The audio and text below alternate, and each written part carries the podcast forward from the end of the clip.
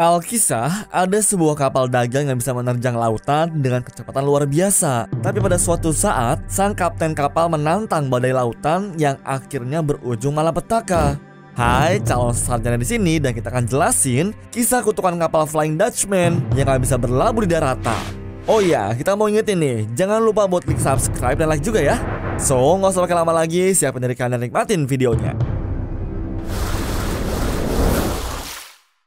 Mencekam, muncul serat tiba-tiba, terkutuk mengarungi samudra selamanya dan menghantui tujuh lautan.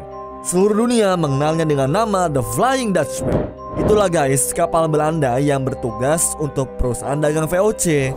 Banyak versi ceritanya sih yang tersebar soal kapal ini. Ada yang bilang kalau kapal ini dilarang berlabuh karena seluruh awak kapalnya tuh punya penyakit menular. Sebagian lagi bilang, sang kapten kapal bersekutu dengan iblis karena bisa berlayar dari Belanda ke Pulau Jawa dalam waktu yang cepat.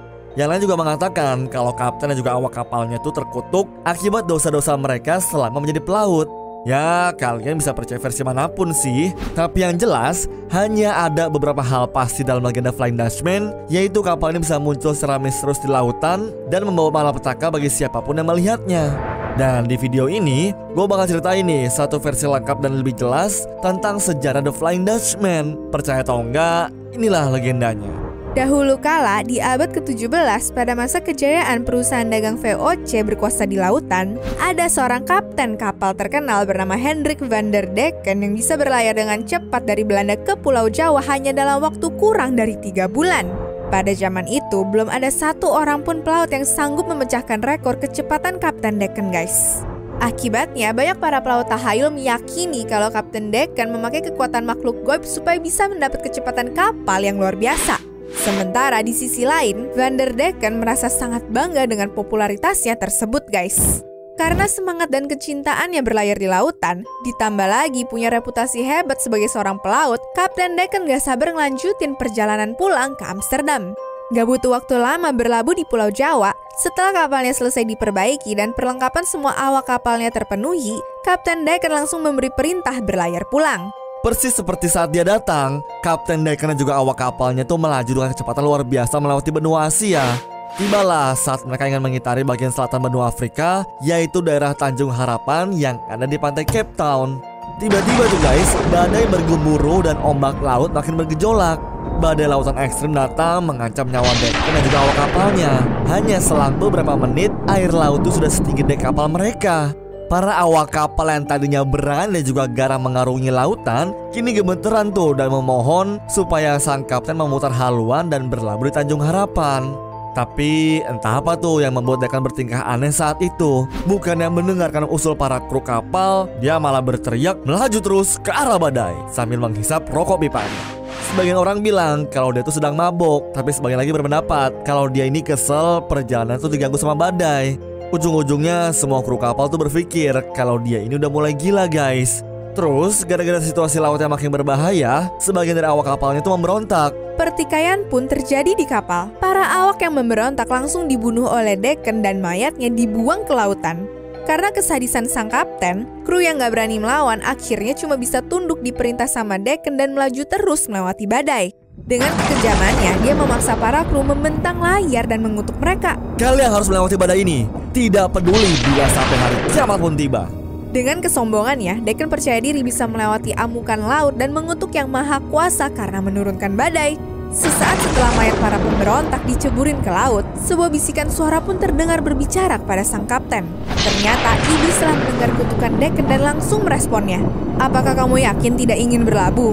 Sang kapten terdiam sejenak saat mendengar suara itu. Entah dia kaget atau sedang dirasuki amarah, dia spontan menantang suara tadi. Terkutuklah aku selama jika berlabuh. Badai ini akan aku kalahkan walau sampai hari penghakiman tiba. Gemuruh petir terdengar semakin kencang dan suara misterius itu pun membalas. Akibat ulah dan perkataanmu, kau terkutuk berlayar setiap hari ke seluruh lautan untuk selamanya. Kau dan awak kapalmu akan menjadi hantu abadi dan dilarang berlabuh di seluruh daratan. Kalian juga tidak akan bisa merasakan lagi kenikmatan dunia ini. Kalian hanya akan membawa kematian bagi siapa pun yang melihat kehadiran kalian di lautan empedu akan menjadi minumanmu dan membakar dagingmu dari dalam.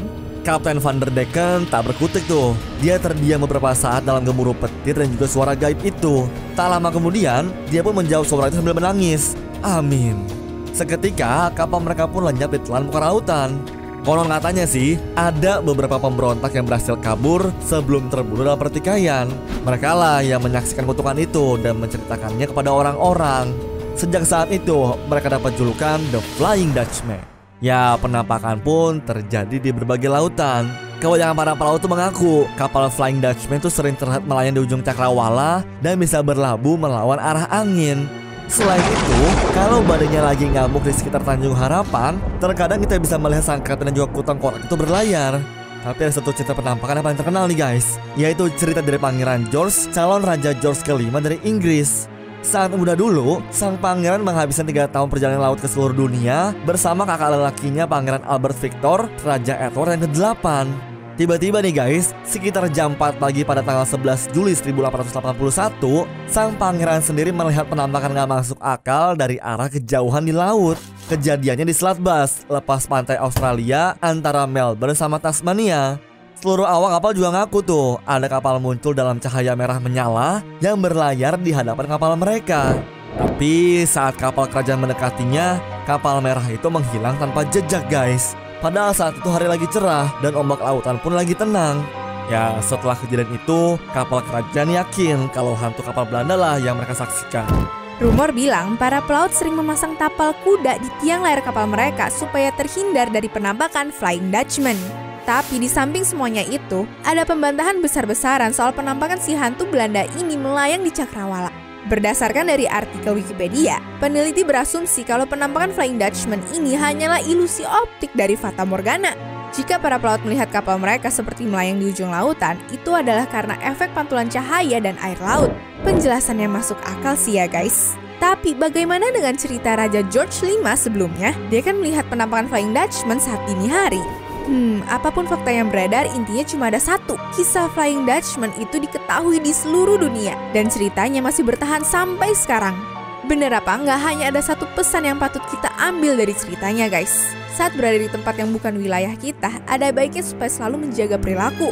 Sebagai masyarakat Indonesia, kita tentu paham kan kalau hal-hal mistis dan dunia gaib bisa menguasai tempat-tempat tertentu. Jadi selalu jaga diri, berdoa, dan berlaku baik di mana pun.